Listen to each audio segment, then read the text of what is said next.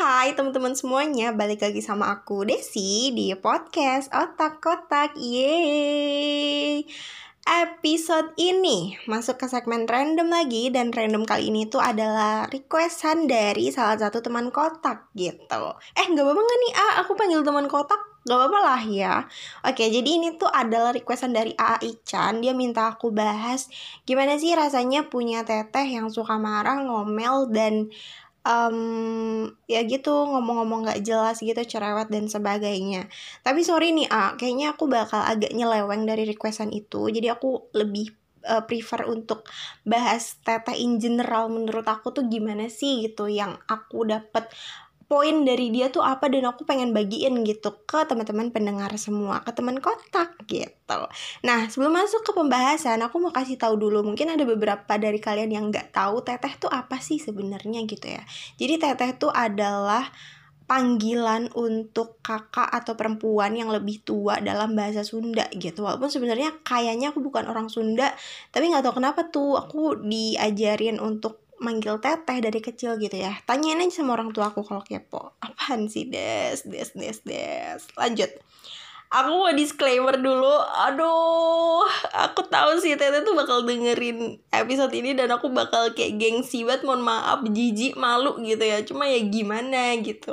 Yang pertama kayaknya menarik juga ini diangkat jadi podcast dan kebetulan ada yang request juga Aichan um, dan aku yakin sih maksudnya kayak bakal ada poin yang bisa kalian ambil dari hasil dengerin ini gitu. Jadi ya udahlah aku turunkan dulu gengsinya aku biarin dulu malunya gitu ya. Ya lagi nama teteh sendiri gitu kan.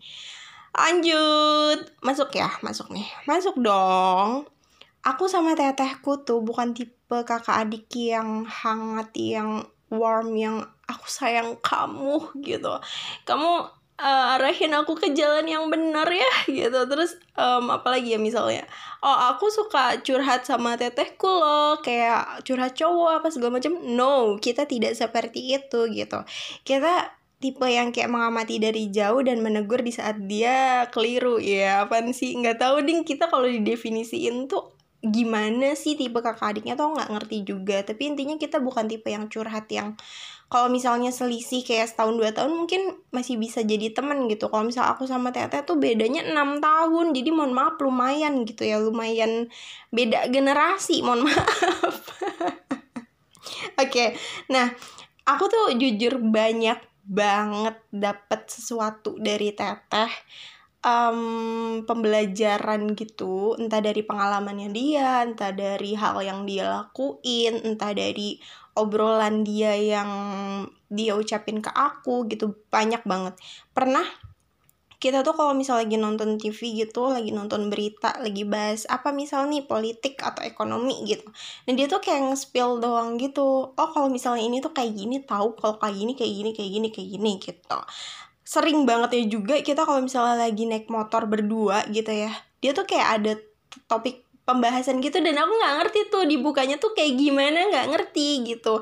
Tapi tiba-tiba kita enjoy ya sama obrolan itu dan aku tuh kayak yang dengerin dengan fokus gitu ya dengan serius dan oh gitu ya. Ih serem ya kalau bisa udah gede atau apa? Itu segala macam banyak banget sih obrolan yang kita obrolin di motor kalau misalnya lagi berdua. Dan tau gak sih dia tuh pernah ngomongin sesuatu yang kayak um, aku speechless mohon maaf gitu ya. Adiknya tuh belum umur 20 tahun bahkan belum umur 19 tahun. Tapi udah diomongin tentang cowok yang ke arah serius dan dia tuh ngobrolnya serius banget. Aku kayak bilang gini kan Ih teteh apaan sih? Kamu orang masih lama juga. Ih geli dengernya gitu. Aku bilang kayak gitu. Iya gak apa-apa dong prepare. Biar kamu tuh nggak kayak teteh atau kayak kamu tuh nggak dadakan nggak nggak apa segala macam gitu lah pokoknya. Entah dari mindsetnya atau dari kayak gitu gitu deh aku bahas itu sih. Lanjut lanjut lanjut. Ya gitu. Jadi banyak banget hal yang aku bisa pelajarin dari teteh.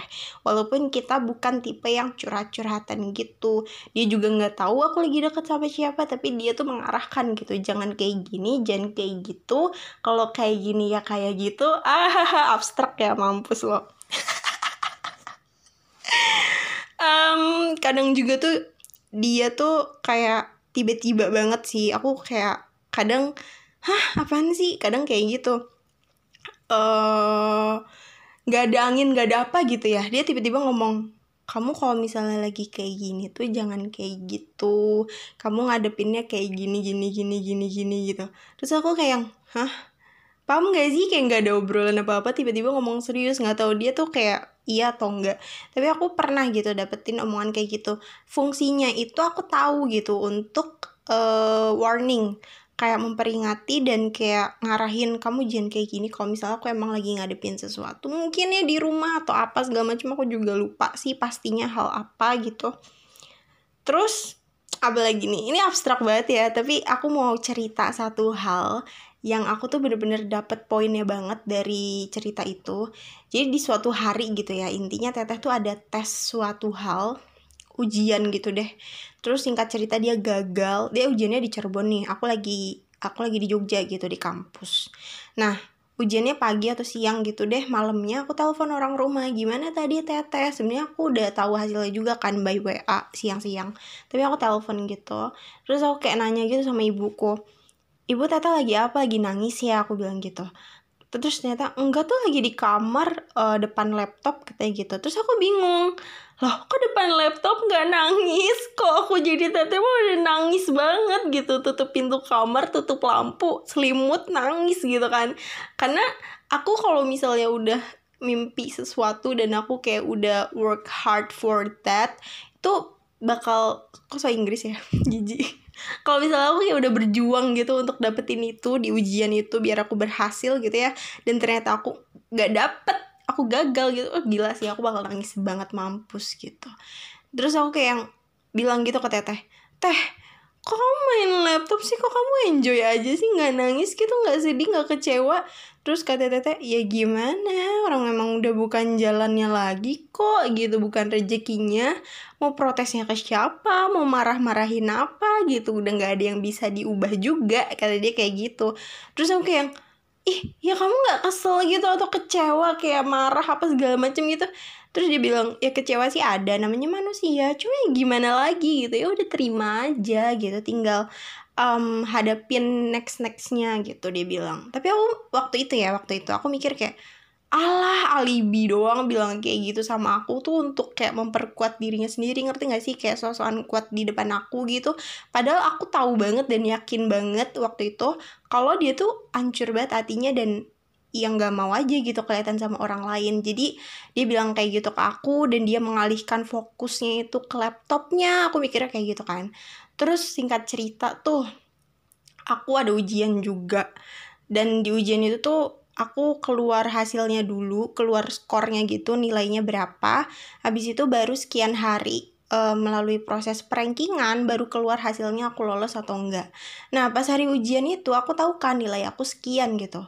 Aku kayak dengan pede gitu loh karena kalau misalnya aku lihat dari tahun-tahun sebelumnya nilai itu tuh kayak termasuk yang lumayan lah gitu kan kayak yang peluang untuk lolosnya tuh tinggi gitu lah kan aku ya udah kepedean aja sih ya walaupun agak uh, doa des doa doa doa kayak gitu gitulah intinya. Terus singkat cerita pengumuman mohon maaf. Mohon maaf aku langsung teriak langsung nangis satu jam gak kelar bener-bener aku nggak bisa nafas tau gak sih? Yang penuh banget gitu hidungnya. Itu kejadiannya baru beberapa bulan lalu dan hah gitu. Aku kayak yang sebelnya tuh karena nilai aku mepet banget sama orang yang lulus. Kayak yang ya ampun ini sekian poin lagi loh aku bisa lolos. Sedih banget apalagi aku udah prepare itu dari jauh-jauh hari dan gitu kan. Terus teteh bilang kamu masih nggak percaya ya sama kata-kata teteh? Kalau misalnya emang belum rezekinya mau lewatin apa namanya rin gimana ya? Maksudnya mau kalau misalnya belum rezekinya gitu kamu mau berusaha buka pintu yang mana pun yang gak akan ada gitu. Jalannya juga gak akan ada bakal ketutup karena itu bukan buat kamu gitu. Itu sih terus kayak kamu harus percaya plan yang di atas tuh bakal bagus buat kamu gitu. Dan ya gimana ya awalnya tuh aku kayak tetap nggak bisa terima. Cuma kalau misalnya dipikir-pikir juga ya iya gitu ngapain sih? Aku dapat poin tinggi tapi kok ya tetap nggak lolos gitu kan. Itu sih. Aku bersemangat banget ya ceritanya ya padahal lagi cerita sedih. Gitu intinya untuk uh, poin yang bisa aku ambil dan itu tuh kayak kejadian langsung gitu di aku. Jadinya oh iya ya gitu. Karena beberapa hal itu ya kalau misalnya dibilangin doang nih misal teteh kayak bilangin yang ya udah bukan rezekinya harus sabar apa segala macem gitu. Aku kalau dengerin itu doang kayak berasa apaan sih? Bacot gitu. Tapi kalau misalnya aku ngerasain sendiri kok ya iya gitu kan. Nah itu beberapa hal tuh kadang nggak cukup kalau misalnya cuma diomongin doang. Kadang kita harus ngerasain sendiri dulu gitu. Tapi aku mau wanti-wanti untuk kalian yang dapat warning dari orang yang lebih tua atau dari teman kalian atau dari siapa pun tuh ya iya itu tuh bener gitu maksudnya. Udah sih gitu ya apalagi dong. Kesimpulannya mungkin uh, untuk teteh untuk Gak tahu aku nyimpulinnya apa tapi pokoknya aku tuh merasa bersyukur gitu punya teteh seperti teteh. Gue geli banget. Ah nggak mau nggak mau. Ini btw dia tuh lagi nggak ada di rumah jadi kayak aku agak feel free gitu ngomongin dia karena beberapa hari ke depan aku tidak berjumpa dengannya. Malu banget demi apa pun. Ya gitu karena aku tuh orangnya suka belajar bukan suka belajar buku ya. Maksudnya aku tuh suka mengamati orang dan oh kayak gini ya oh kayak gitu ya. Walaupun yang aku pelajari itu belum tentu aku terapkan di kehidupan aku. Cuma kayak kayak aku punya feel apa ya seru aja gitu belajar hidup tuh aku suka gitu. Dan tetehku tuh memberikan itu untuk aku gitu. Banyak banget dia dari pengalaman apa segala macem. Karena dia kan aktif buat organisasi tuh zaman zaman sekolah kuliah kerja juga dia sosial social life-nya. Menurutku enough good enough gitu ya dibandingkan aku maybe. Udah sih gitu doang gitu ya. Um, kalian tuh kalau misalnya belajar Gak cuma dari kelebihan kok, gak cuma dari hal yang baik-baik kok gitu. Buktinya tetehku juga gak selamanya yang 100% orang baik gitu. Dia punya juga kayak uh, memori yang jelek-jeleknya dan itu tuh aku pelajarin juga gitu. Uh, apa namanya kayak masalah-masalah teteh yang terdahulu uh, kayak apal segala macam itu aku mikirnya kayak oh oh kalau misalnya kayak gini berarti nanti uh, akibatnya kayak gitu dan aku kayak nggak boleh kayak gitu gitu. Aku nggak boleh mengulangi kesalahan yang sama yang udah dialamin sama tetehku gitu. Itu kan hal negatif tapi bisa dijadikan pembelajaran juga buat kita gitu. Gila ya udah 12 menit aja coy. Udah sih mungkin segitu aja. Kalian uh, uh, apa namanya kalau misalnya jadi anak anak kedua lagi kalau misalnya punya kakak disayang Nggak nih aku pengen bilang kalau misalnya kalian jadi kakak arahin adiknya yang bener gitu. Entah caranya gimana versi kalian terserah lah. By the way aku juga sebagai kakak gitu ya dan aku tuh mikir susah ternyata gitu untuk mencontohkan hal baik ke adik. Dan good job sih untuk my sister love you. Eh udah segitu aja episode kali ini gak usah banyak-banyak. Nanti tetehku senyum-senyum kepedean gak jelas gitu. Abis ini aku gak mau tahu harus ditransfer ya. Teh mohon maaf nih rekening udah ready. Jangan lupa follow IG kita di otak-otak.podcast Terus kalian juga bisa tuh DM buat komen, eh buat komen lagi, DM buat uh, request mau bahas apa lagi atau mau cerita juga boleh. So, yap, sampai ketemu di episode berikutnya. Bye-bye.